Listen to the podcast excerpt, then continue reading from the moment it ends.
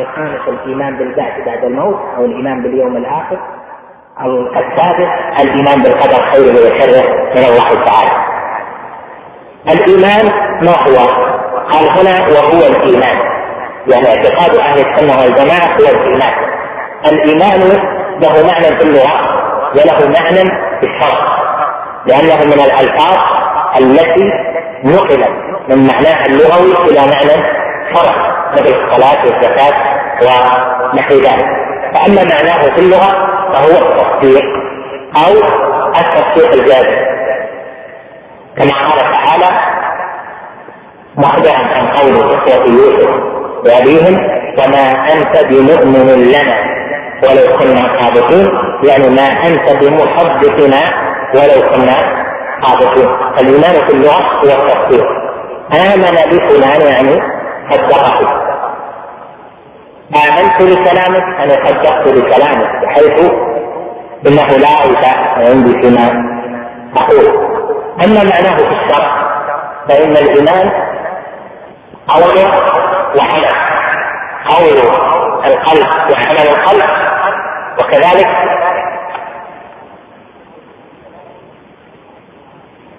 قول اللسان وقول القلب وعمل الجوارح والاركان فإذا الإيمان في اللغة له معنى. أما في الشرع فالزيادة على معناه اللغوي أنه له له موارد القلب والجوارح قول وعمل حصل هذا أهل العلم بقولهم إن الإيمان في الشرع هو القول باللسان يعني بشهاده التوحيد والاعتقاد بالجنان الاعتقاد المفصل الذي سيأتي هنا والعمل بالجوارح والأركان. فهذا هو معنى الإيمان في النصوص وهو المراد بالإيمان عند أهل السنة والجماعة. قول القلب هو اعتقاد القلب الإيمان قول وعمل. قول القلب وقول اللسان. وعمل القلب وعمل الجوارح والاركان هذه أربعة أشياء. يحتاج إلى تفصيلها قول القلب هو اعتقاده. لا بد من أن يكون ثم قول وهو اعتقاد القلب. اعتقادات القلب هي أقواله لأنه يحدث فيها نفسه قلبا فهو يقولها في قلبه. فأقوال القلب هي الاعتقادات وهي التي ستأتي مفصلة في هذا الكتاب. عمل قول اللسان بكذب شهادة لله بالتوحيد بقول لا إله إلا الله محمد رسول الله. ثم عمل القلب عمل القلب أوله نيته وإخلاصه أنواع أعمال القلوب من التوكل والرجاء والرغب والرهبة والخوف والمحبة والإنابة والخشية ونحو ذلك من أنواع أعمال القلوب. عمل الجوارح في أنواع الأعمال مثل الصلاة والزكاة والجهاد والأمر بالمعروف والنهي عن المنكر ونحو ذلك من الأعمال. هذا هو الإيمان. يعرف بعض هذا الإيمان وهو قول قول القلب الذي هو اعتقاداته وهذا هو الذي سيأتي تفصيله في هذه الأركان. فإذا هذه الأركان هي أركان الإيمان. وهي بعض الإيمان. هي الأركان التي يقوم عليها الإيمان. إذا تحققها المعتقد لها فإنه سيتبع قول اللسان سيتبع بعد ذلك عمل القلب سيتبع بعد ذلك عمل الجوارح والأركان وكلها من حقيقة الإيمان. قال هنا وهو الإيمان بالله. وملائكته. الإيمان بالله. قبل أن ندخل فيه هذه الستة تفصيلها في هذه الرسالة. إما باقتضاب أو بتفصيل. أولها الإيمان بالله. الإيمان بالله يشمل أشياء. الأول أول درجات الإيمان بالله أن يؤمن بأن الله جل وعلا موجود. لأن الله جل وعلا موجود. لأن له ربا موجودا وأنه لم يوجد من عدم وأن لهذا الملكوت موجد. هذا أول درجات الإيمان بالله الثاني أن يؤمن بأن هذا الذي له هذا الملك أنه واحد فيه واحد في ربوبيته. لا شريك له في ملكه. يحكم في ملكه بما يشاء. لا مخطب لحكمه ولا مراجع له في أمره جل وعلا.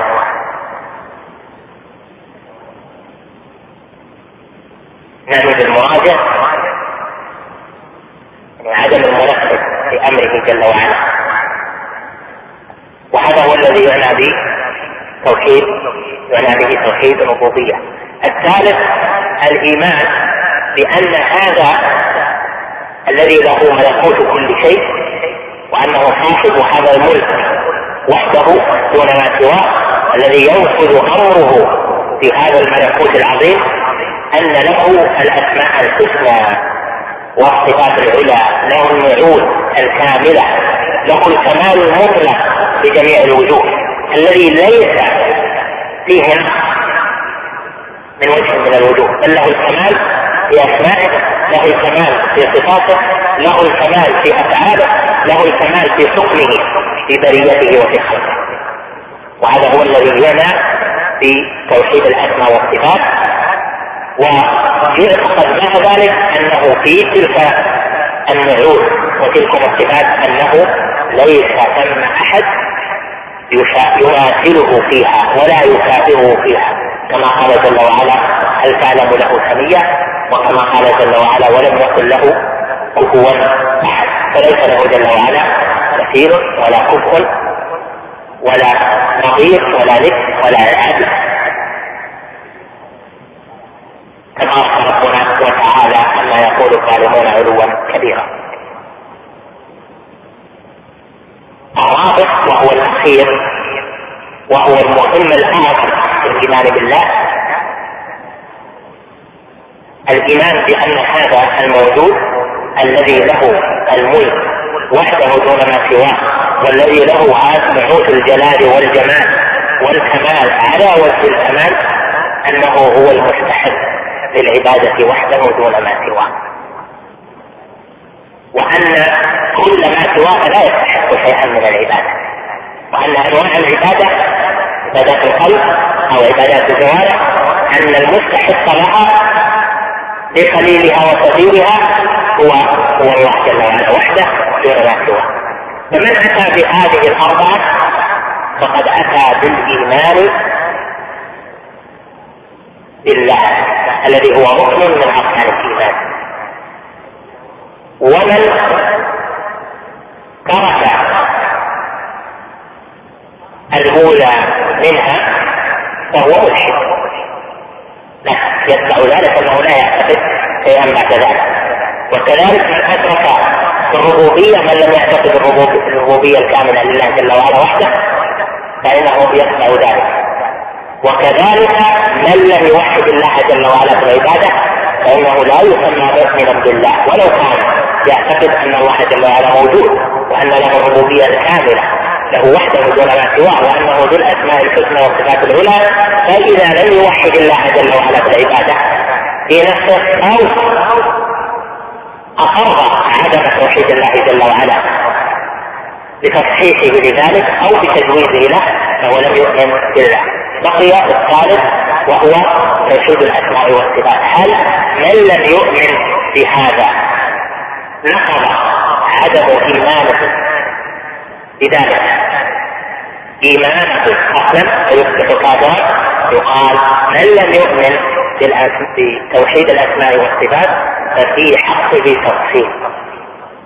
تفصيله يأتي إن شاء الله تعالى في هذه الرسالة لأن شيخ الإسلام هذه الجملة وهي الإيمان بالله سيأتي بعد قليل ويقول ومن الإيمان بالله الإيمان بما وصف به نفسه وسيذكر الإيمان بالأسماء والصفات من الكتاب والسنة على وجه التخصيص نرجع تفصيل هذا الأحكام هذا الحكم إلى موضعه اذا من أنكر توحيد الأسماء والصفات يعني من لم يثبت لله جل وعلا جميع الأسماء والصفات أو قال في التشبيه في بعض المواضع أو نحو ذلك فهل يقال إن هذا ليس بمؤمن بالله ليس بمؤمن بهذا الركن الجواب تسمى الجواب تم تفصيل يأتي في موضعه إن شاء الله تعالى وهو من المهمات لأن من الناس من غلط في هذا الجانب وفكر في الاخلال في شيء من أفراد توحيد الاسماء والصفات. الثاني من أركان الإيمان الإيمان بالملائكة. والملائكة جمع ملأ وتخفف إلى ملأ. وأصل ملأ مألف من الألوكة وهي الرسالة الخاصة. كما قال الشاعر ألكني إليها. وخير الرسول أعلمهم بنواحي الخطر يعني أرسلني إليها برسالة خاصة فيقول العرب له ألوكة وألكني وألكني إذا أرسل برسالة خاصة والملائكة جمع مألك أو منهج وهم المرسلون برسالة خاصة من الله جل وعلا. فإذا مبنى هذا الاسم على الإرسال والملائكة هم الموكلون من الله جل وعلا الموكلون في تصريف ملكوته. وهم موكلون بتصريف ملكوت الله جل وعلا كما قال سبحانه قل يتوفاكم ملك الموت الذي وكل بكم. والإيمان بالملائكة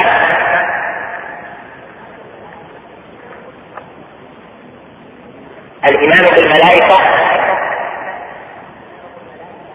مرتبتان إيمان إجمالي وإيمان تفصيلي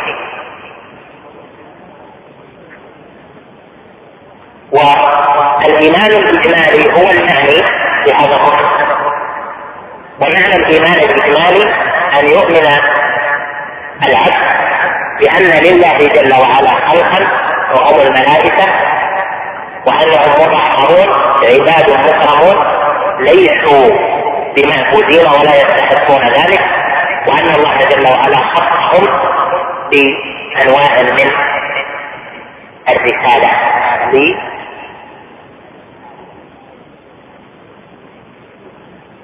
إنفاذ أمره في خلقه وهذه الأخيرة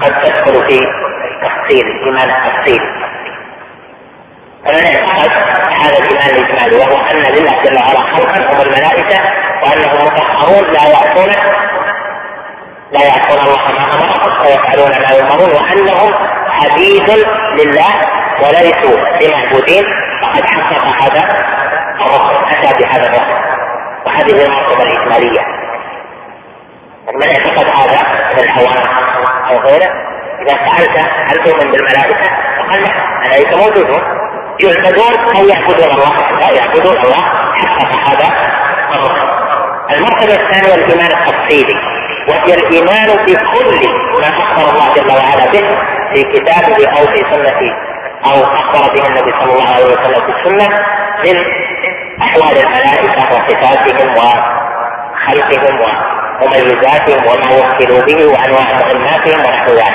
هذا إيمان تفصيلي. يلزم العبد الإيمان به إذا علم النص بذلك فإذا علم النص وجبه الإيمان وجب عليه الإيمان بما جاء في النص. من هذا لأنه أمر غيب. ومن لم يصل إليه النص فإنه لا يكون ناقضا في إيمانه بالملائكه إذا كان قد أتى بالإيمان الاجمالي لأن الإيمان التفصيلي يختلف في الناس هو تبع العلم. فمثلا لو سالت عامية وقلت له تعرف إسرافيل هل تؤمن بإسرافيل؟ فقال ما أؤمن بإسرافيل من إسرافيل هذا؟ ما هو؟ قال ملك من الملائكة صالح ما في ملك من إسرافيل فهذا لا يعد كافرا منكرا لوجود هذا الملك إلا إذا عرف بالنصوص وعلم بها إعلاما يكون الجاحد له كافرا فيكون بعد ذلك ليس بمؤمن بهذا الملك وهذا مرجعه إلى تكذيب النصوص لا عدم الإيمان بالملائكة لأنه قد يكون مؤمن بجنس الملائكة لكن ليس مؤمنا بهذا على هذا الوجه ويكون مكذبا للنص فيعرف ويعلم. فإن أنكر كفر الملائكة أنواع منهم الموكلون بالمطر منهم الموكلون بالموت. فالموكل في خط الأرواح ملك من الملائكة واسمه عند أهل الكتاب عزرائيل وفي بعض الآثار أو بعض المساطير سمي عبد الرحمن. هذا هو الموكل بقبض أرواح العالمين. كما قال جل وعلا قل يتوفاكم ملك الموت الذي وكل بكم وتحته أيضا الملائكة هو رئيسه وهو كبيره تحته ملائكة يتوفون الناس يأمرهم فيقبضون أرواحهم كما قال جل وعلا توفته رسلنا وهم لا يفرطون. كذلك منهم الموكل بتبليغ الوحي من الله جل وعلا للرسل. أو بتبليغ الوحي من الله جل وعلا للملائكة وهو جبريل عليه السلام. ومنهم الموكل بالقبر والحياة على الأرض وهو ميكائيل. ومنهم الموكل بالنفس الروح وإعادة الحياة وهو إسرافيل. وهؤلاء الثلاثة وهم جبريل وميكال وإسرافيل هم أشرف الملائكة وأسعد الملائكة. هذا كله من الإيمان بالتفصيل الإيمان التفصيلي هذا قد ألفت فيه مؤلفات ترجعون إليها في أوصاف الملائكة في خلقتهم وفي منازلهم وفي أحوالهم وفي أعمالهم وفي في عباداتهم وما وكلوا به من الأعمال. ومن أحسن ما كتب في هذا كتاب عالم الملائكة الأبرار للدكتور الأشقر فإنه جمع فيه جمعا حسنا طيبا وتحرى الثواب في كثير من مباحثه. الركن الثالث الايمان بالكتب.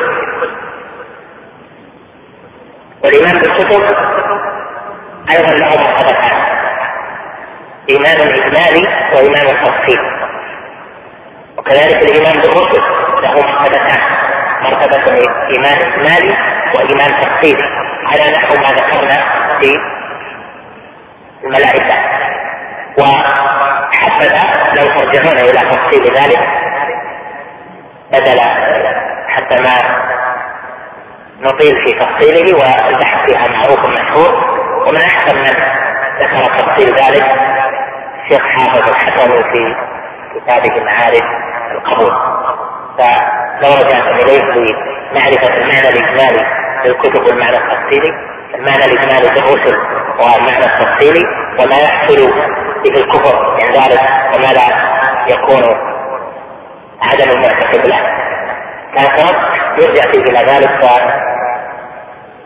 فيجب اختصار الوقت هنا مناسبة وهو أن الإيمان بالله هو الأصل هو المقصود.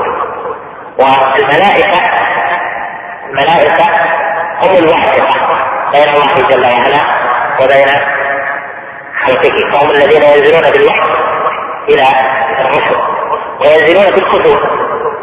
وبالشرائع ولهذا رتبت هنا أحسن ترتيب فقدم الايمان بالله لأن منه جل وعلا المبتدأ واليه المعاد والإيمان به هو المقصود وكل أمور الإيمان هي كالتفريع للإيمان بالله والملائكة لأنهم يأخذون الوحي من الله جل وعلا ويسمعونه فينقلونه إلى الرسل وينزلون بالكتب تكلف بالكتب ثم الرسل والترتيب بين هذه الأربعة من بالله ملائكته لأنهم هم الواثقة الكتب لأن الملائكة تنزل بها الرسل لأنهم هم ختام هذه السلسلة ثم الرسل ينقلونها إلى الناس.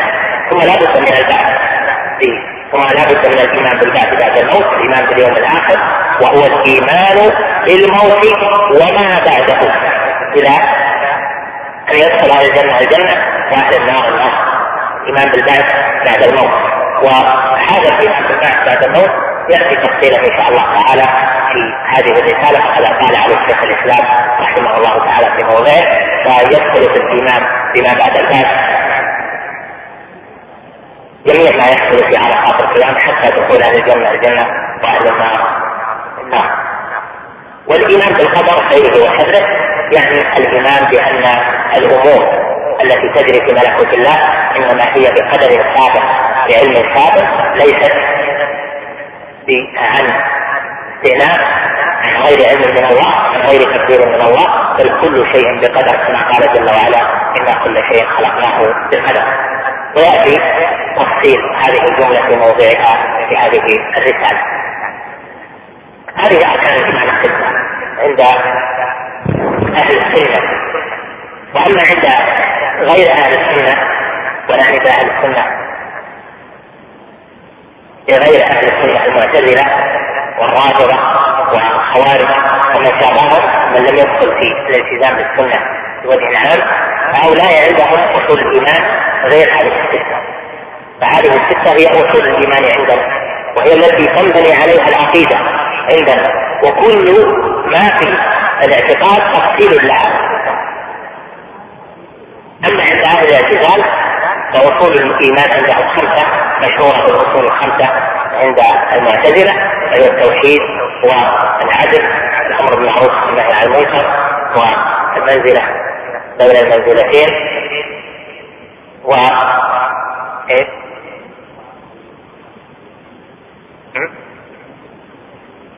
فهذا التوحيد. صار الاسماء والعدل ذكرنا الخمسه التوحيد والعدل والأمر بالمعروف والنهي عن المنكر و والمنزلة بين المنزلتين وإنفاذ إنفاذ الوعيد. وأما الرافضة فعندهم الأصول خمسه الأصول أربعة. أصول الإيمان. أركان الإيمان التي تنبني عليها عقيدتهم تنبني عليها عقيدتهم أربعة وهي الإمامة والنبوة والعدل والتوحيد. ويرتبونها هكذا التوحيد العدل النبوة الإمام فإذا أردت أن تعرف معتقد أهل السنة والجماعة فمعتقدهم تفصيل لهذه الستة ومعتقد المعتزلة تفصيل لتلك الخمسة ومعتقد الرافضة تفصيل لتلك الأربعة بعض السلف زاد على هذه الأركان قال والإيمان بالجنة والنار. والإيمان بالجنة والنار هو من الإيمان باليوم الآخر. هذه خلاصة لمعنى هذه الجمل التي ذكرها شيخ الإسلام رحمه الله تعالى. أسأل الله أن ينفعني وإياكم بما سمعنا وأن يزيدنا علما وهدى واهتداء وأن يوفقنا في العلم النافع والعمل الصالح. وصلى الله وسلم على نبينا محمد.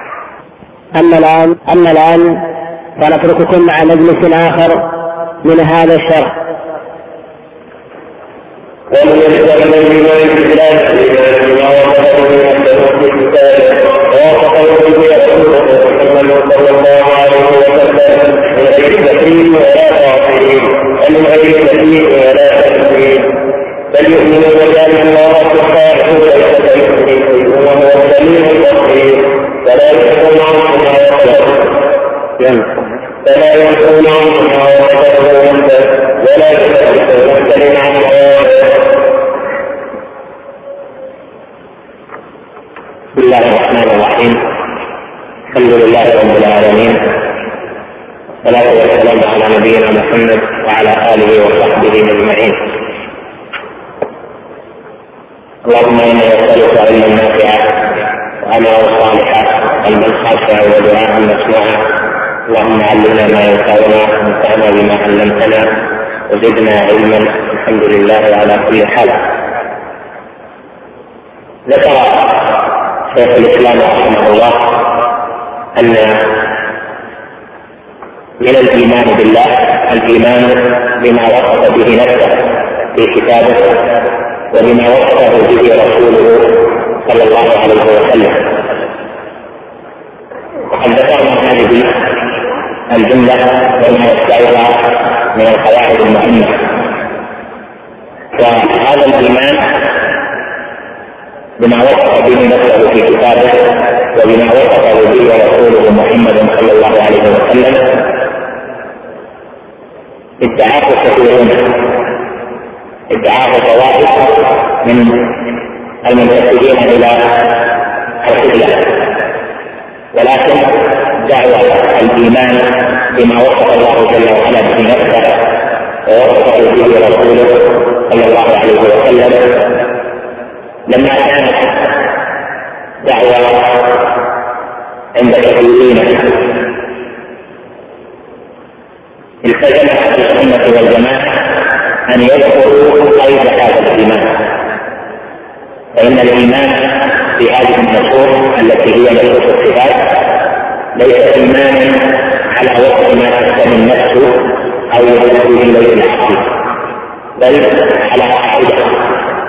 وتلك القاعده هي أن يكون الإيمان بتلك النصوص بما وصف الله به نفسه وبما وصف به رسوله صلى الله عليه وسلم من غير تحديث ولا تحقيق ومن غير تكييف ولا تمثيل وهناك محدثون يقولون نؤمن بالصفات على ما جاء في الكتاب والسنة لكنهم يحدثون عن المواضيع بعض السنة خالفوها وآمنوا بالنصوص من غير تحديث.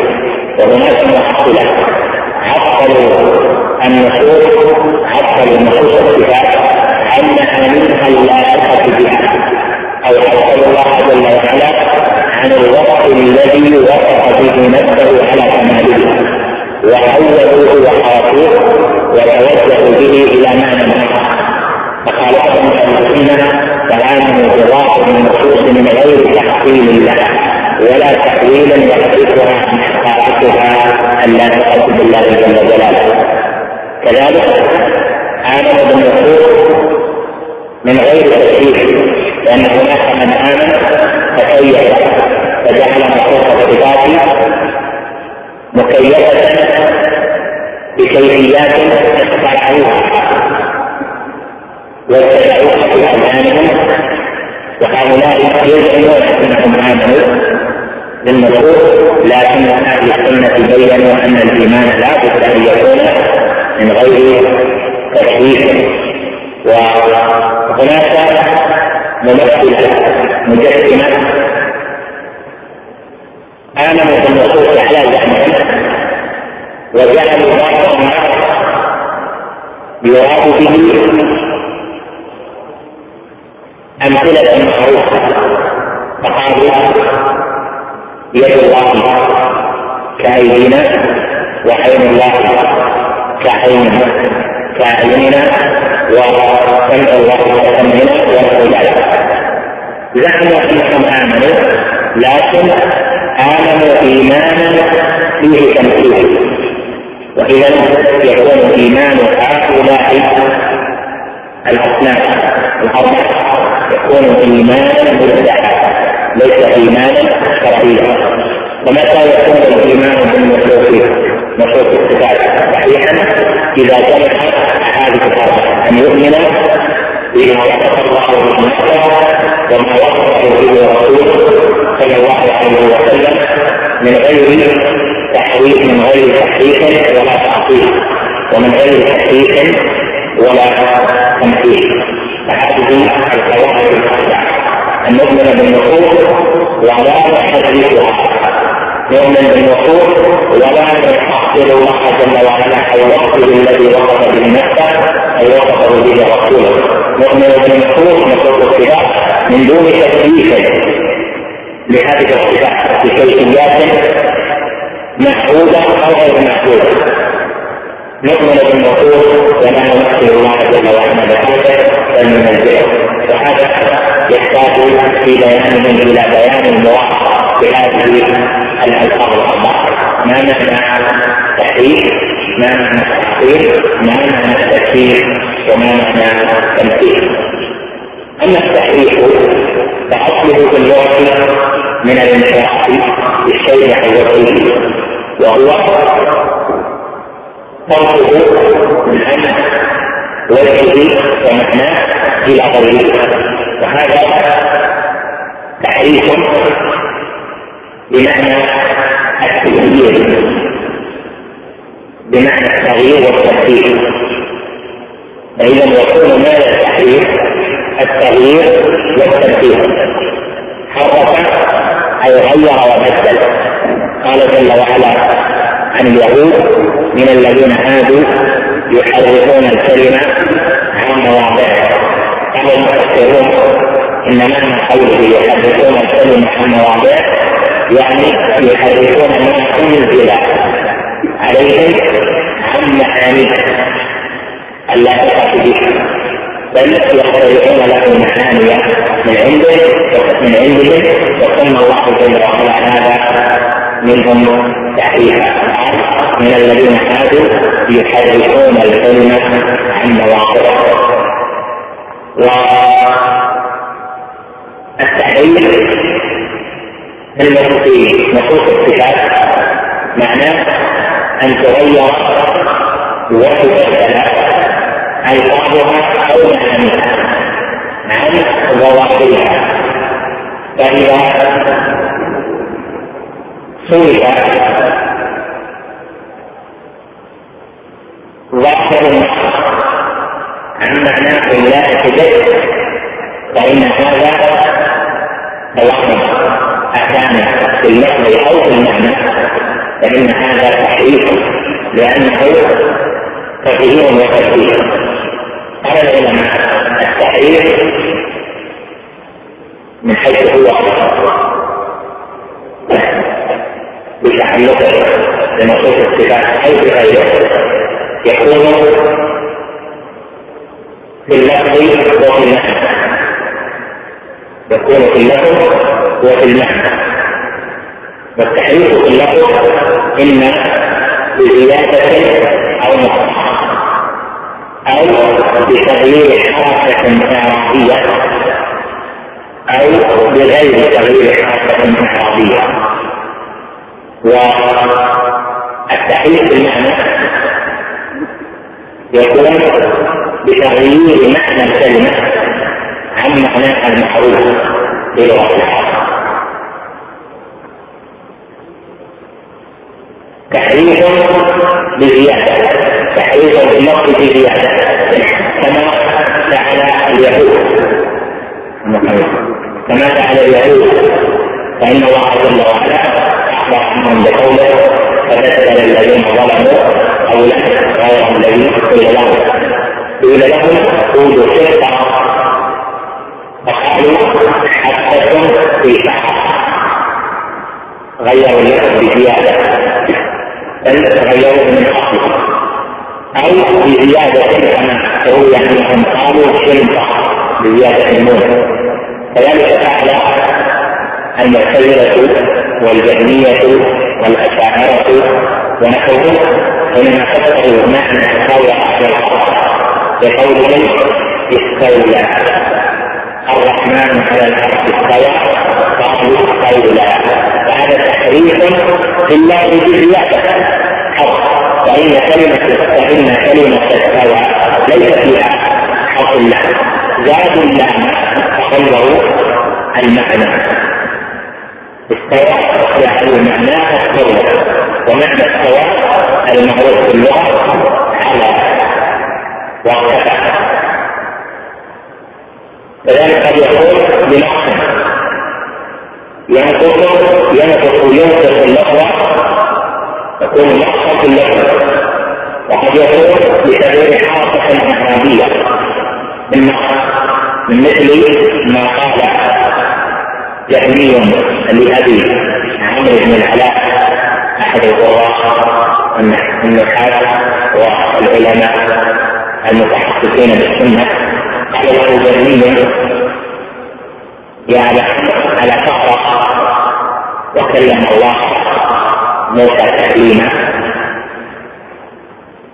وكلم الله والتغيير حتى عربية لأن القراءة وكلم الله موسى تكليما فالله جل جلاله هو فاعل الكلام وموسى بالاعراب مفعول به كلم الله موسى.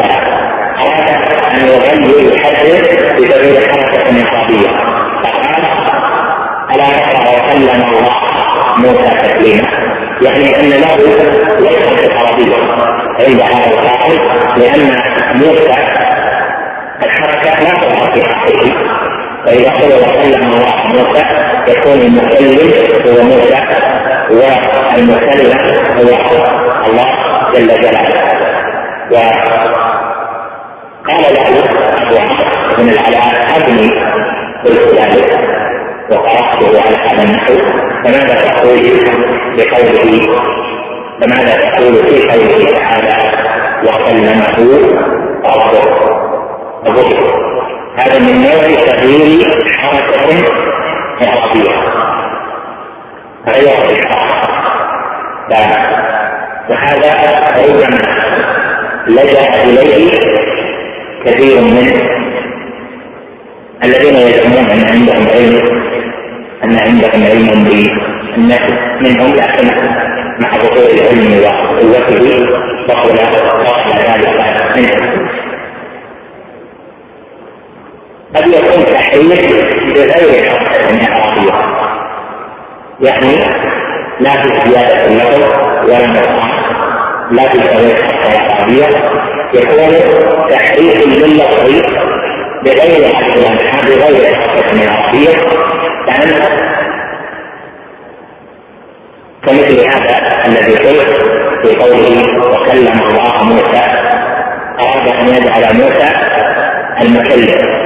فهو حرك تغير موسى من كونه مفعولا به إلى كونه فاعلا هذا على الحركة العربية من غير عربية كذلك يذكر في هذا الذين يحركون الكلمة كلام فيجعلونه بمعنى له له معنى ويجعلون له معنى. مثلا يجعلون قوله تعالى لما خلقت بيدي ما منعك أن تكتب لما خلقت بيدي يجعلون معناه بقدرتي أو بقدرتي. فتحريف للفظ هل هو من جهة المعنى؟ لا جعل اللفظ مكان له. يقول اليد هنا هي القدرة. هي القدرة ليست اليد هي المحروفة أو القسم الثاني أنه تحريف من جهة المعنى من جهة المعنى. وهذا تفسير ادعاء المجال في آيات الصفات وكتأويل النصوص على غير ما دلت عليه لغة العرب. مثلا يأتون بقول بقول الله جل وعلا الرحمن الرحيم. فيقولون الرحمة هي إرادة الإحسان. إرادة الإحسان. هذا تحريف للرحمة عن معناها تغيير لها عن معناها بأي شيء في الأصل المجاز والاصل بالمجاز رحمة الله. الاصل بالمجاز في نصوص الصفات باطل ومن أصول أهل الضلال في الصفات اما في غير الصفات يعني في اللغة من غير دخول الصفات فهو خلاف أدبي مع أن الصحيح عند المحققين أنه لا مجاز أصلا هنا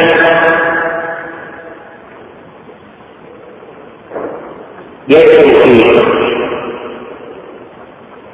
المحدثة الذين حضروا الكلمة في المواضع يدخل فيهم الجهمية أول ما يدخل لأن أصل التحريف إنما جاء من جهة الجهل من جهة الجهل بل من جهة الجهل من ذلك مقالة بل من جهة اليهود. لأن هذه المقالة تتجاوز تجاه عن اليهود.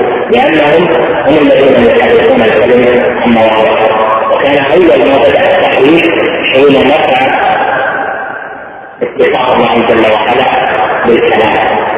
وقال أن قوله وكلم الله موسى تكليما اي جرعه بمراحيل الحكمة تجريحا وليس من جهة الكلام وإنما من جهة التجريح. كلم أي جرح من العلم وهو البر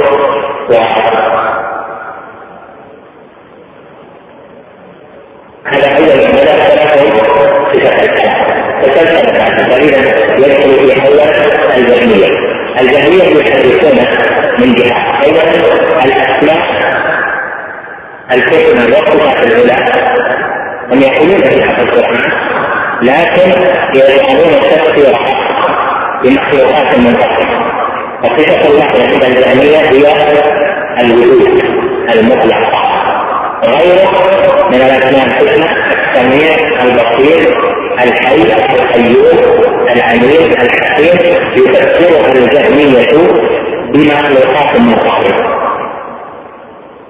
يعني السميع هو من يسمع البصير هو من يسمع المتكلم هو من يتكلم. يعني مخلوقات الله عز العزيز هو من أعز أو من عز القيوم هو من أقيم أو من قام في أمور الوحدة. فيجعلون هذه الأسماء تعلقت بالخلق منها ثابت صفة الله. عندهم الوجود من آثار صفة الله الوجود عندهم الوجود يدخل فيه المعتزلة فإن المعتزلة حرفوا الغيبيات جميعا الصفات والأسماء في الأمور الغيبية على الصبر في الميزان الحوض الصراط ونحو ذلك جميع الأمور الغيبية تركوها تركوها عن معانيها وهكذا يدخل فيه أيضا الأشاعرة فإنهم يحرفون هل كل تحريف يعد كفر؟ الجواب ليس كل تحريف يعد كفر فإن أهل السنة لم يفسروا الذين فسروا الثورة بالثورة وإن كان التحريف في جميع الصفات كدعي الجهمية فإن هذا يعد كفرا والجهمية عندهم لأنهم حرفوا وأسماء وصفات الله وعلا إن كان التحريف في بعض الصفات رؤيا ما هذه الصفات وإن كانت الدلالة عليها ظاهرة ولا يحتملها وجه يعني ليس للتأويل فيها مدخل. هنا يكفر به كتكفير من نفى رؤيا الله جل وعلا وتكفير من جعل كلام الله جل وعلا مخلوقا وأما غيره مما قد يكون لعقله ويجرم في تأويله فإنه لا يخالف ولهذا أهل السنة والجماعة لم يفسروا الأشاعرة والماتريدية والكلابية والإسلامية والحكامية وأسباب هؤلاء ولا تحقيق هذه النقطة الثانية. والتحصيل أصله في اللغة من حصل يحصل تحصيلا وهو حكم إذا كان خاليا. قال هذا مقام محصل إذا كان خاليا ليس فيه شيء. ويقال أيضا في النص دينها محفظ إذا كان خاليا من الحول ويقال أيضا في النص دينها محفظ إذا كان خاليا من من الحل. ومنه قول الشاعر في وقت محسن أو في وقت جيد محسن يقول وجيد كجيد الريم ليس بمحرم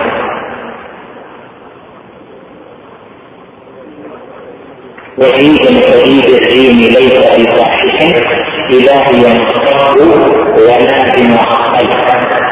بمعقل حال من من الحلال. هذا قصده فإذا الإخلاء هذا هو التعطيل ومعنى قوله ومعنى قول الله جل وعلا وبئر محقلة أي خالية من الماء لأنه لم يستفد منه لم يذكر الله في بهذا الصفات تعطيل النصوص تعطيل الصفات تعطيل الله جل وعلا عن صفاته. هذه بمعنى إخلاص الله جل وعلا عن الوصف عن أوصاف عن أوصافه يعني نفي الصفات وجعل الله جل وعلا ليس متصفا بالصفات. والتعطيل عند العلماء يذكرها ثلاثة وهي أولا تعطيل المخلوق عن حالته يعني إخلاف المخلوق عن أن يكون مخلوقا. بنفي أن يكون ثم خالق له كقول الملائكة. الثاني تعطيل الخالق عن اوصافه التي وقع بها نفسه بها رسله الثالث تعطيل الخالق عن استحقاقه العبادة وحده لا شريك له. والأول بحثه في توحيد الربوبية. والثاني بحثه في توحيد الأسماء والصفات. والثالث بحثه في توحيد الالوهيه فاذا التعطيل دخل فيه انواع التوحيد وإذا كان تعطيلا للمخلوق من خالق لا نفيا لتوحيد الربوبية إذا كان تعطيلا للخالق لله في اوصافه أو تعطيلا ونفيا للأسماء والصفات إذا كان التحقيق للخالق مما يستشرفه من عبادته وحده دون سواه صار تحصيلا في الالوهيه هنا المقصود الثاني إذا المقصود بالتحقيق أن يحصل الله جل وعلا عن اوصافه يعني أن يصف نفسه بالصفة أن يصفه رسوله صلى الله عليه وسلم بصفه فيخلى الله جل وعلا من هذه الصفة. يعني كأن لم يصف نفسه بذلك الوقت وكأن لم يصف رسوله صلى الله عليه وسلم بذلك الوقت. وقت الله جل وعلا. جلب لهذه الصفة له جل وعلا بمعناه لأننا لم نعلم أنه جل وعلا متصف بهذه الصفة فأخبرنا الله بأنه متصف بهذه الصفة وقال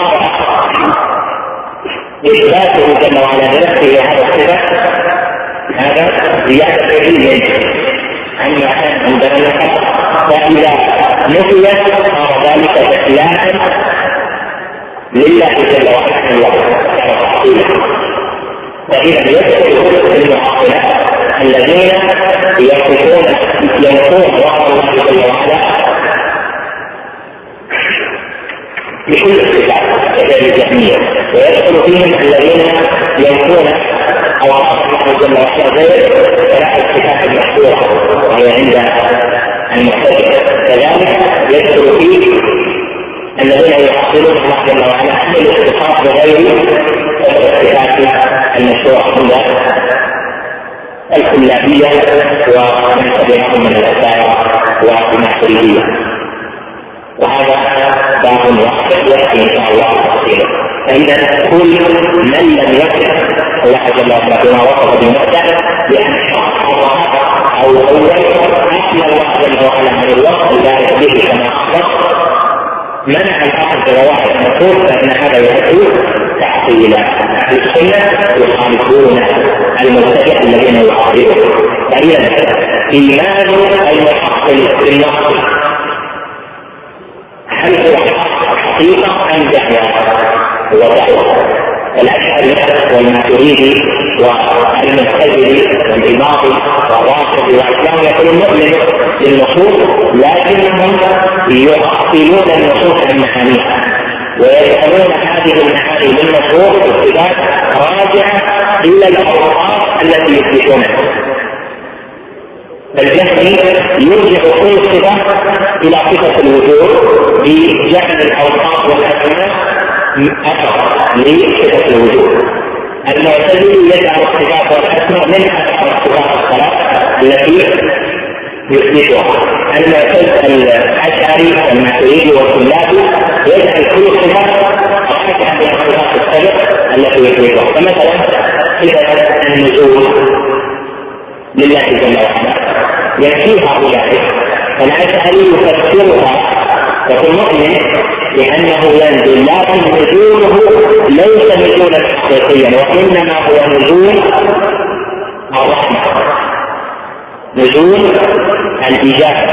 إجابته جل وعلا المدعين في هذا الوقت المتأخر من الليل.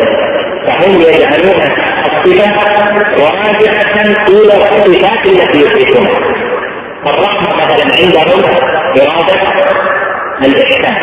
لما؟ لأنه يجعل من الصفات السبع صفة الإرادة. الغضب عندهم إرادة الانتصار. لما؟ لأن الإرادة عندهم الصفات السبع وهكذا. فكل صفة يحصلونها في معناها الذي دلت عليه اللغة. يقول نؤمن بالنص لكن نجعل هذه الصفة مكانها أحد الأوراق السبعة التي أثبتناها الأوراق السبعة بإثباتهم لها وسبب ذلك مزيد التفصيل يأتي في مكانه إن شاء الله من هذه الرسالة. اللغة قال غير تكليف هنا لا أنه صرح من غير من غير تحريف ولا تحقيق ومن غير تكليف ولا تمثيل.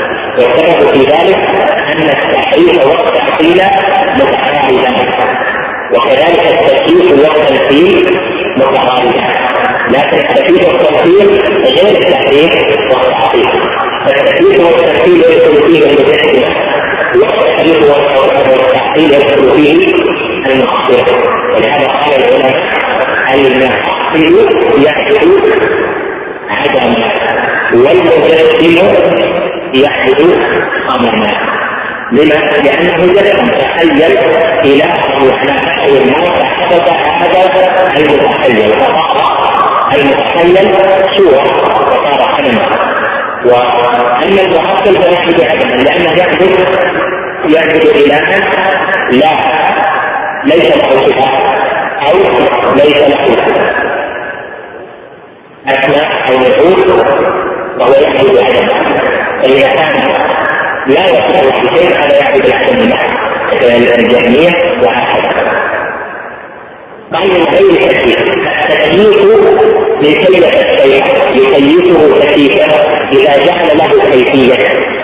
والتكييف معناه أن يجعل لصفة الله جل وعلا كيفية. قد تكون هذه الكيفية؟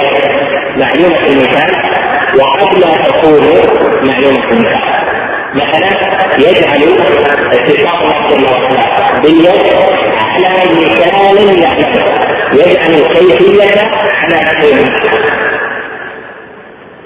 يقول مثلا الله جل وعلا استوى على كيفية الاستواء كذا وكذا. قد يكون يكيفها بما عكست فيكون تمثيلا؟ وقد يكيفها بشيء خيال في ذهنه فيؤدي تكييفا من غير مثال ما المقصود بهذا الموضع بالتكييف لما حقق عليه التمثيل بالواو والواو حقق بالمغالطه دل على أنهم يريدون بالتكييف التكييف على غير مثال المخلوق يعني يخترع له كيفية لا مثال لها. وإن كان التمثيل يدخل في التكييف لكنه لما بالواو علمنا أنه يريد بالتكييف غير التمثيل وان التمثيل له وقته والتكييف له وقته. وكيف يكون التكييف؟ مثلا يتخيل صورة ليد الله جل وعلا يتخيل صورة لاستواء الله جل وعلا يتخيل صورة وحالة لمن غير الله جل وعلا يتخيل صورة لغضب وحالة لغضب الله جل وعلا هذا كله تأكيد. يعني جعل بالصفات كيفية. وهذا هو التأكيد الذي سلكه طائفة من المجسمة. لأن المجسمة على قسمين. مجسمة مكيفة ومجسمة ممثلة منهم مجسمة مكيفة جعلوا لله جل وعلا. كيفية مرفوعة أداء ليس لها مثال ومنهم من جعل له. من جعل. من جعله جل وعلا جسما على حسابه يعلم وحدة المخلوق أو نحو ذلك. هذا معنى التكليف ونفيه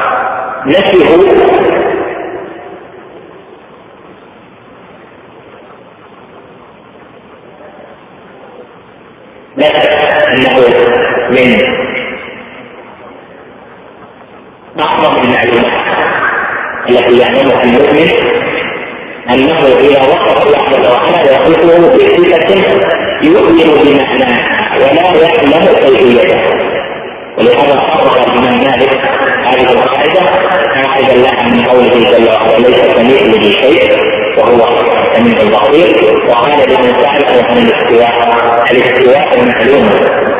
والكيف غير معقول وهذه اثبت من الرواية الأخرى فيها الكيف مجهول والايمان بروايه السؤال عنه بدعه الاستواء معلوم يعني في اللغة معلوم يعني. وأن أن معنى الاستواء العلو والارتفاع والكيف غير محدود لا تعرف كيفيه استواء الله فإيمان المؤمن باستواء الله جل وعلا إيمان معنى لا إيمان كيفيه لأنه إيمان بما دل عليه بعض النصر أن الكيفية فإن قلب المؤمن قد انقطع على حقه انقطع طمعه وانقطع طلبه للذات والإدراك بكيفية الاستقامة فإن هذا لا يعلمه إلا الله جل وعلا.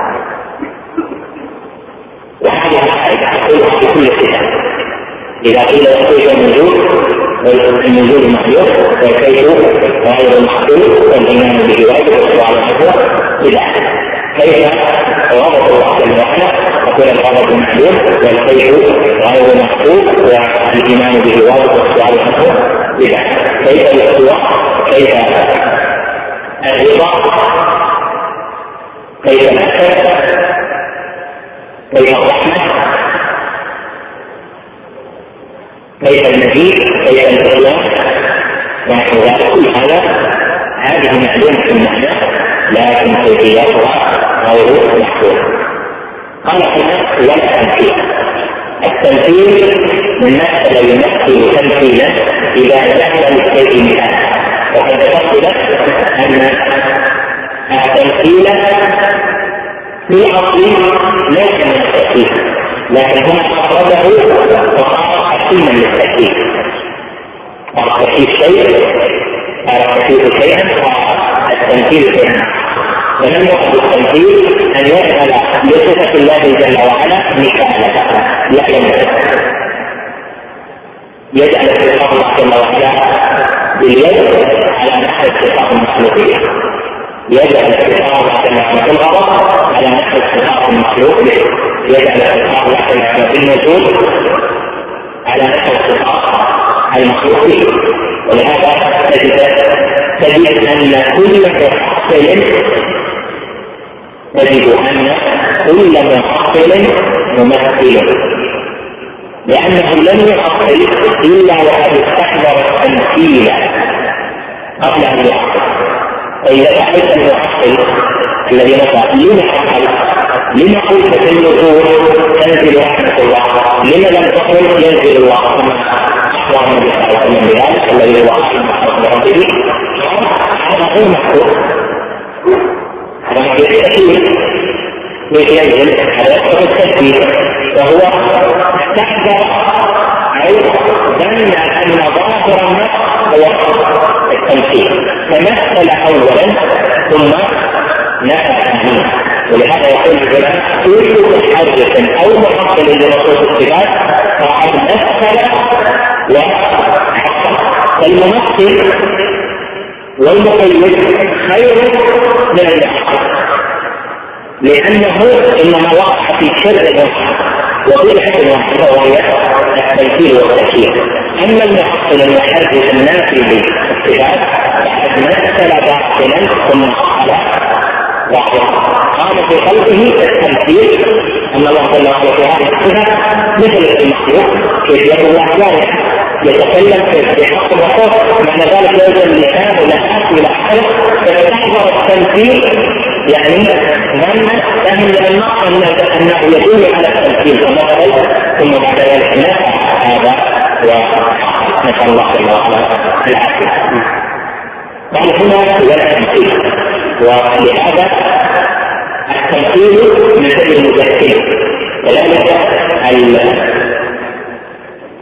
كذلك التكييف من سبيل المجسم والمجسمة والمحصلة أعداء لأهل السنة والجماعة. لأن أهل السنة والجماعة يؤمنون بالنصوص لا يمثلون ولا يجسمون ولا في الحديث بل يثبتون الحكم على ما دلت عليه كما سيأتي بيان ذلك في عقيدتهم في نصوص الكتاب التي سيسوقها شيخ الإسلام رحمه الله جل وعلا الواقع عليه.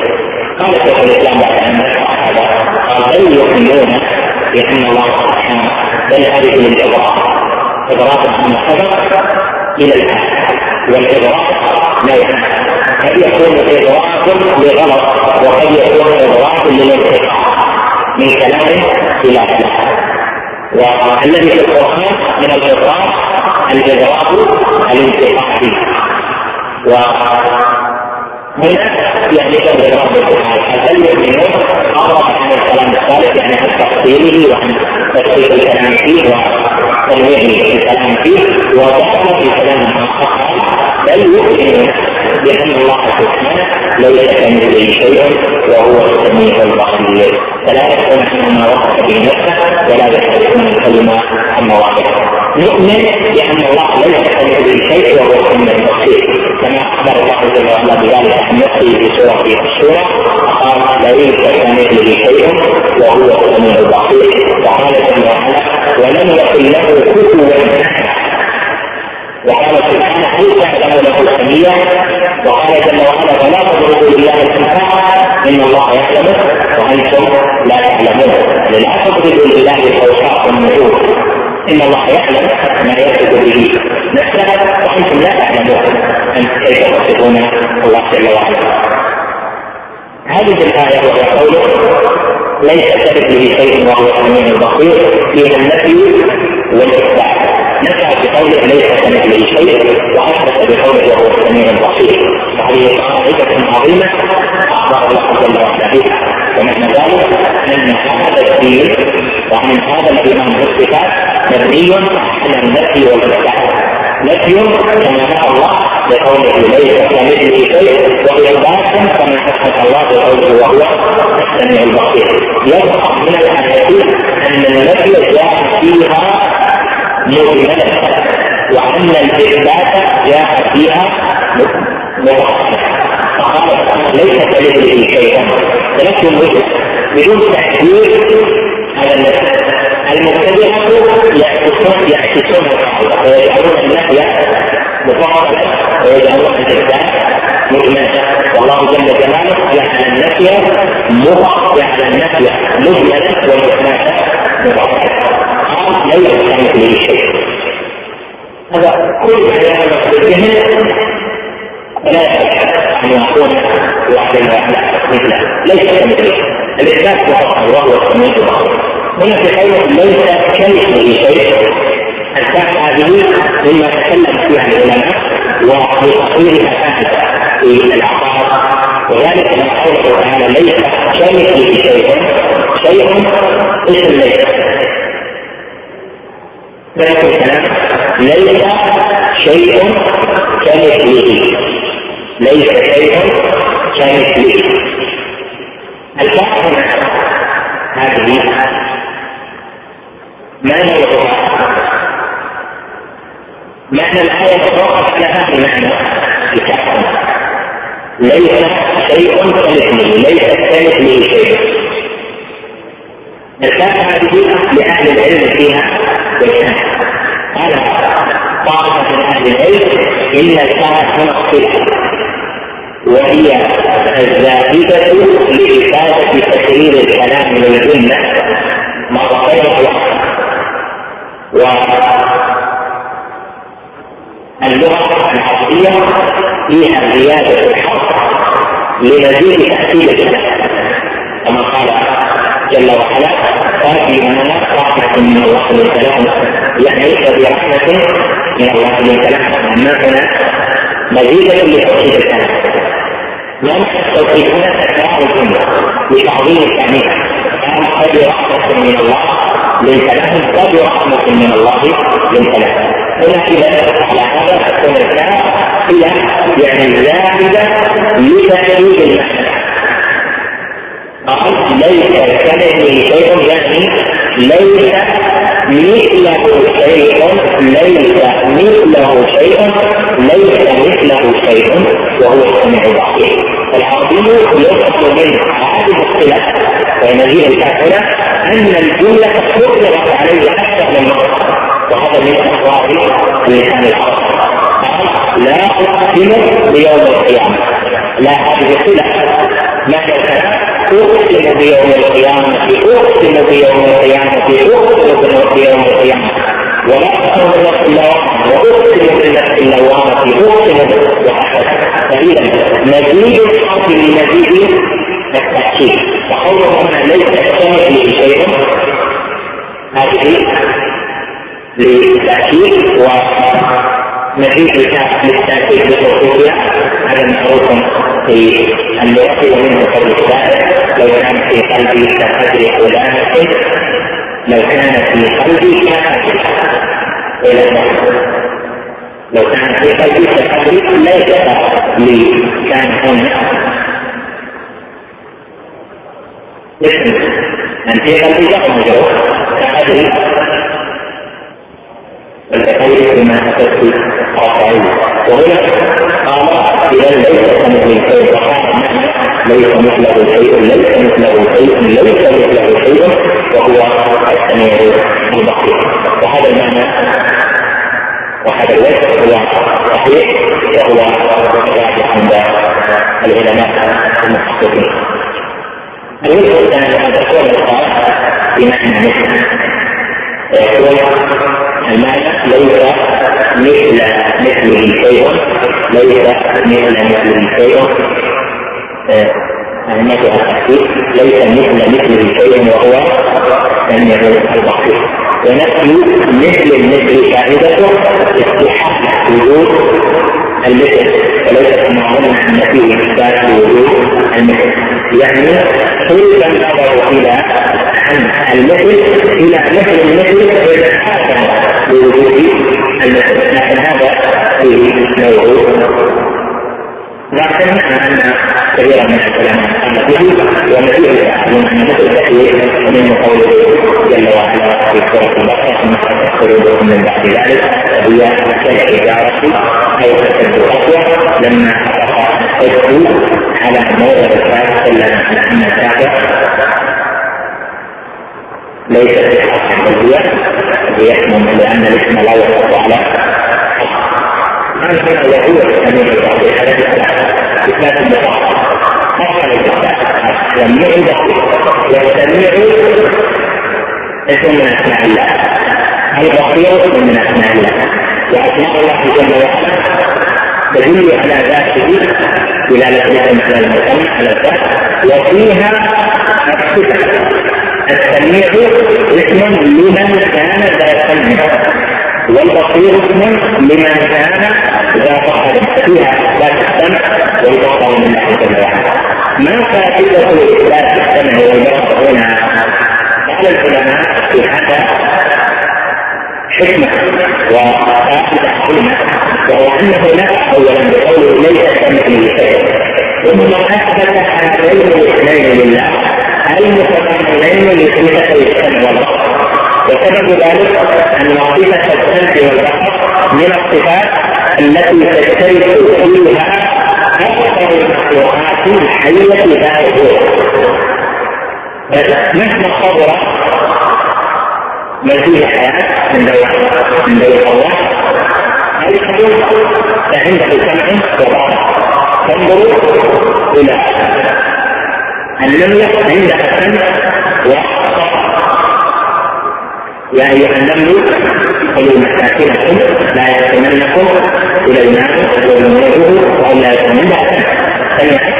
وتبصر هذه تبصر البعوضة كذلك لها سمع ولها بصر الدواب لها سمع ولها الإنسان له سمع وله بصر فكيف السمع والبصر من أكثر صفات الصراط بين المخلوقات الحية ذوات الأرواح فإذا كان ثمة وقت في المماثلة فليكن توقفا للمماثلة في اختصاص هذه المخلوقات بصفة السمع والبصر فهل ظهر أيها الإنسان وسمع من مثل بصر النملة وسمعها؟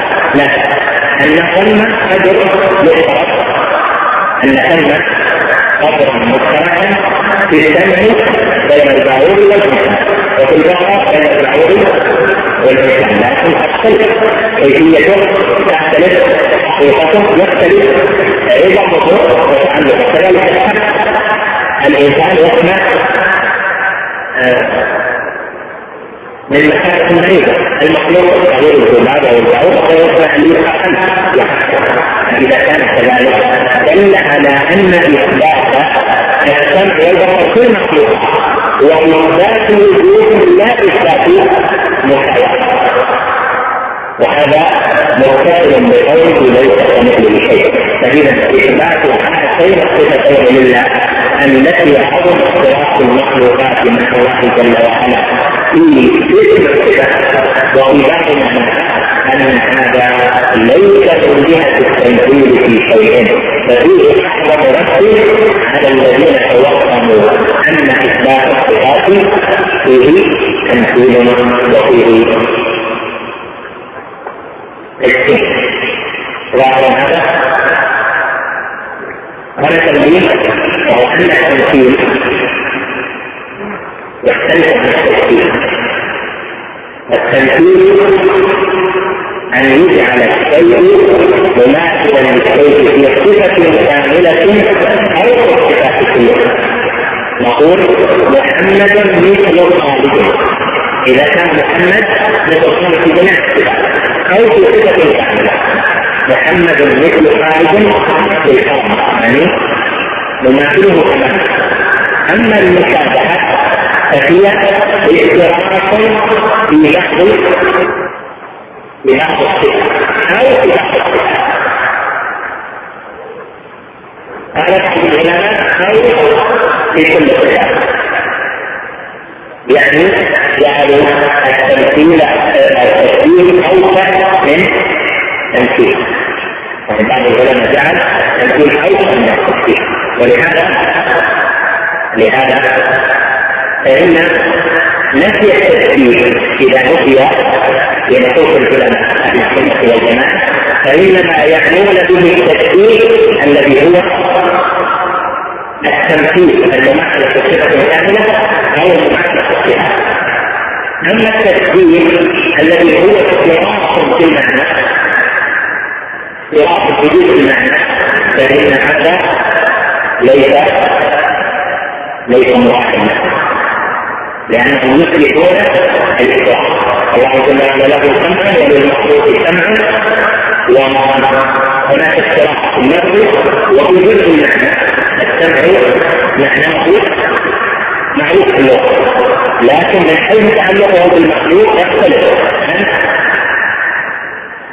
جهة تعلقه به ولهذا فإننا نقول اتفاق هناك ومن غير تكليف ولا تمثيل.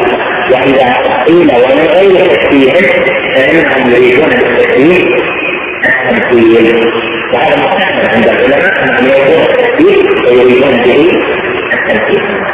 هنا فلا يكون ما وصف به نفسه ولا يستحدثون الكلمة مواقف. يعني بل يثبتون ما وصف الله جل وعلا نفسه ولا بها ولا يكون الكلمة عن مواضعه وتبين لكم معناه عند شرح كلمة التحليل قال ولا يلحدون في أسماء الله وآياته ولا يخلفون ولا يمثلون بصفاته بصفات خلقه الإلحاد في أسماء الله الميل بها والعدول بها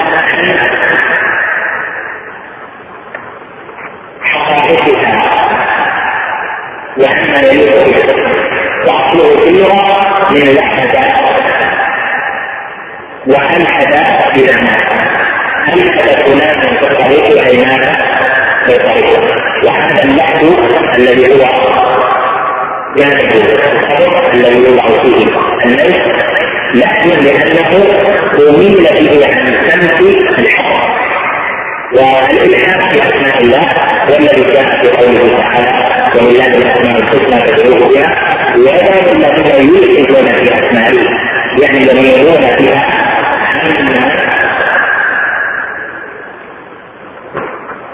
يليق به وهذا الإلحاد وهو الليل قد يكون بفضلها عن ظواهرها التي دلت عليه وقد يكون بفضل بها وقد يكون بتحريفها فالمشركون سموا العزة من الحديث وهذا الحق وسموا الناس من من الله أو من الاله وهذا من الاله ونحو ذلك سموا مناس من المناس كما هي بعض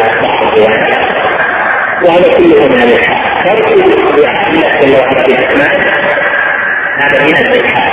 هنا مراده نوع من ذلك الإلحاد. وهو صرفها عن معانيها لا تبيع. لأنه ميل بها وعدول عن الله بها. والواجب أن يطلق في الأسماء والصفات وايات الله جل وعلا.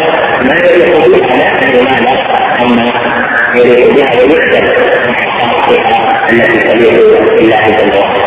هم ولا يسمحون ولا يمثلون صفات بصفات خلقه وهذا جاء مكررا كما سبق وما عند هذا ونسأل الله جل وعلا لنا ولكم الهدى والرشاد والانتفاع بما سمعنا صلى الله وسلم وسلم في أما الآن سنترككم مع مجلس آخر من هذا الشرح. بسم الله الرحمن الرحيم. الحمد لله رب العالمين وصلى الله وسلم على سيدنا محمد وعلى آله وصحبه أجمعين.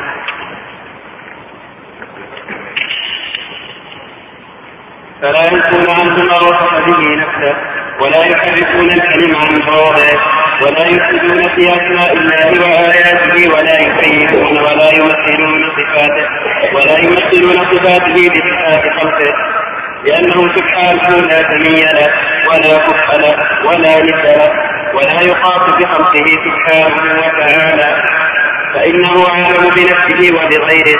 واصدق قيلا وأحسن حديثا من خلقه ثم رسله صادقون مصدوقون. بخلاف الذين يقولون عليه ما لا يعلمون ولهذا قال سبحان ربك رب العزة عما يصفون وسلام على المرسلين والحمد لله رب العالمين. فسبح نفسه عما وصفه به المخالفون الرسل وسلم على المرسلين لسلامة ما قالوه من النقص والعيب.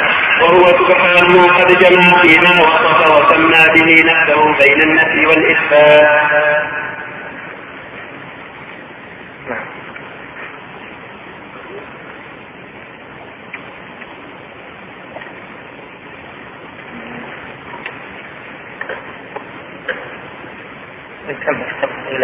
قوله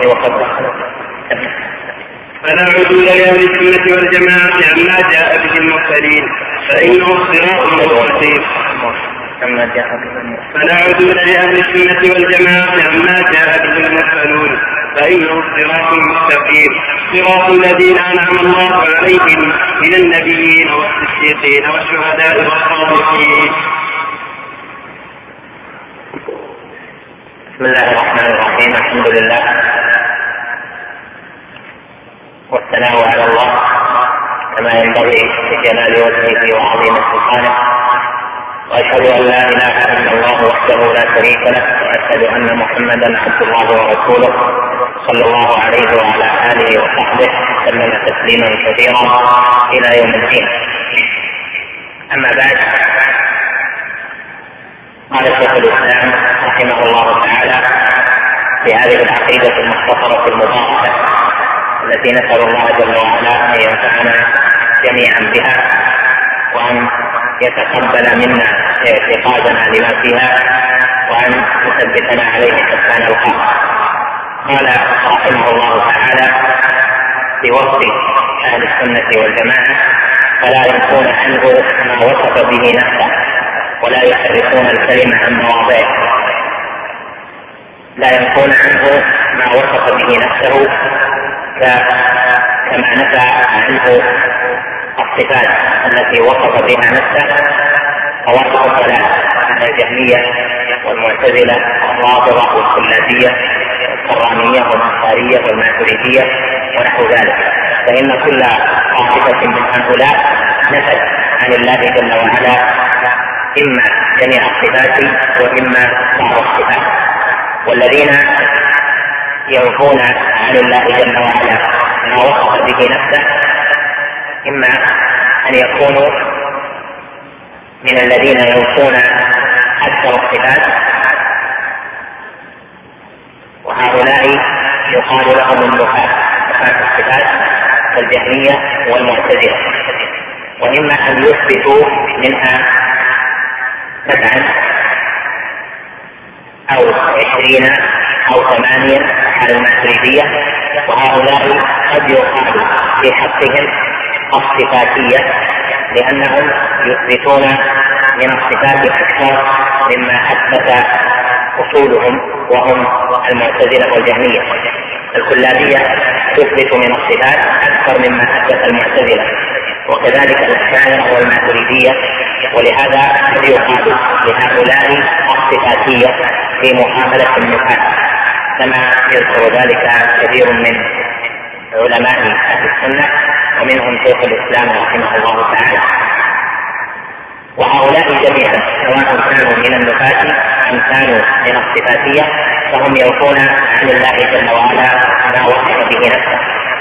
وهذا النفي قد يكون نفيا للصفة بالكلية وقد يكون نفيا لمعناها بتأويلها بغير معناها وبحمل الظاهر فيها على غير ما دلت عليه ظاهر النصوص. هؤلاء ينفون يعني أن مآل حالهم النفي سواء نفوه أصلا أو نفوا معناه الذي دل عليه الظاهر. فالذين نفوا أن الله جل وعلا مختص بالرحمة اللاحقه به هؤلاء نفوا. الرحمة ولو قالوا إن معنى الرحمة إرادة الاحسان ونثبت الرحمة بتاويله هؤلاء أيضا ينفون. وأما أهل السنة والجماعة فإنهم يثبتون المعاني التي اشتملت عليها الفاظ الصفات على ما يليق بالله جل وعلا. على قاعدة ليس كمثله شيء وهو السميع البصير. يثبتون اللفظ ويثبتون ما في اللفظ من الصفة ويثبتون ويوقنون ويؤمنون بما دل عليه اللفظ من الصفة ويعلمون أصل معنى هذه الصفة لأنها بلسان عربي مبين. ثم هم مع ذلك كان أهل السنة والجماعة يقطعون الطرف عن إدراك الكل وعن إدراك الكيفية يعني عن إدراك كل المعنى وعن إدراك الكيفية. فإذا أهل السنة لا ينفون عن الله ما وصف به نفسه بل يثبتون لله جل وعلا ما وصف به نفسه. قال رحمه الله تعالى بعد ذلك ولا يحرفون الكلمة عن مواضعه. لأن الذين يحرفون الكلمة عن مواضعه هم اليهود كما وصف الله جل وعلا ووصف اليهود بذلك قوله يحرف من الذين هادوا يحرفون الكلمة عن مواضعه. ومعنى تحريف الكلم عن مواضعه بحمله على غير ما دل عليه. والتحريف أصله العدول باللفظ عن معناه إلى غيره أو العدول بالمعنى عن أصله إلى غيره يعني إلى غير الاصل اما أن يقول إن اللفظ هذا معناه لفظ آخر كمن حرف السواء إلى السوداء و أو ينفون المعنى ويثبتون معنى آخر وهؤلاء هم الذين يؤولون الصفات الفعلية أو بعض الصفات الذاتية. بما أثبتوا من الصفات العقلية كما سيأتي تفصيله إن شاء الله تعالى. يحرفون الكلمة يعنى به الكلمات الشرعية الدينية التي هي في باب الأحكام. عن الله جل وعلا. وتحريف الكلم عن مواضعه هذا حرام. وقد يكون كفرا. وقد يكون كبيرة. وقد يكون معصية. وقد يكون خطأ يعذر فيه صاحبه وهو إذا أقحم فليس كل تحريف كفرا بل قد يكون كفرا. وقد يكون كبيرة من كبائر الذنوب قد يكون معصية وقد يكون خطأ. وتفصيل هذا وأمثلته تأتي في مواضعها في الرسالة إن شاء الله تعالى. قال بعد ذلك ولا يلحدون في أسماء الله وآياته. الإلحاد مر معنا وأنه الميت ولهذا سمي اللحد لحد الخبر لحدا لأنه مائل عن سمت الخبر عن سمت الحبر فيه ميول. فالإلحاد الميت ألحد يعني مات. الملحد المائل عن الحق إلى غيره. وفي الاصطلاح الملحد هو من مال عن الإيمان إلى الكفر.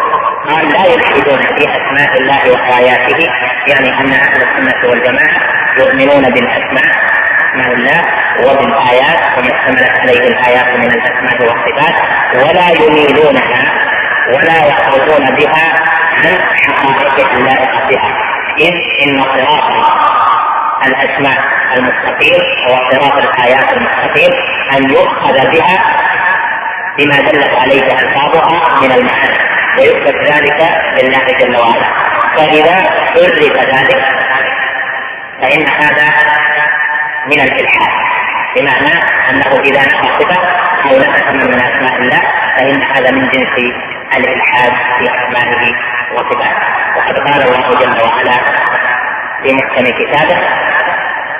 ولله الأسماء الحسنى فادعوه بها وذروا الذين يلحدون في أسمائه. والإلحاد في أسماء الله وصفاته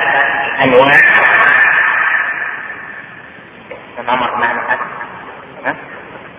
إذا نحيل أنواع سبق ذكرها قال هنا ولا يكيفون ولا يمثلون صفاته بصفات الخلق التكييف مر معنا معنى والتمثيل مر معنا معنى إذا أهل السنة والجماعة تميزوا عما سواهم في هذه الصفات أنهم يثبتون لله جل وعلا ما أثبته لنفسه ولا ينفون عن الله جل وعلا ما وصف به نفسه ولا ينفون عن الله جل وعلا ما وصفه به رسوله صلى الله عليه وسلم لأن سبيلهم ليس هو سبيل الزائغين الضالين المغضوب عليهم الذين يحرفون الكلمة عن مواضعه من الذين شابهوا اليهود أو الذين يلحدون في أسماء الله وآياته الذين شابهوا المشركين.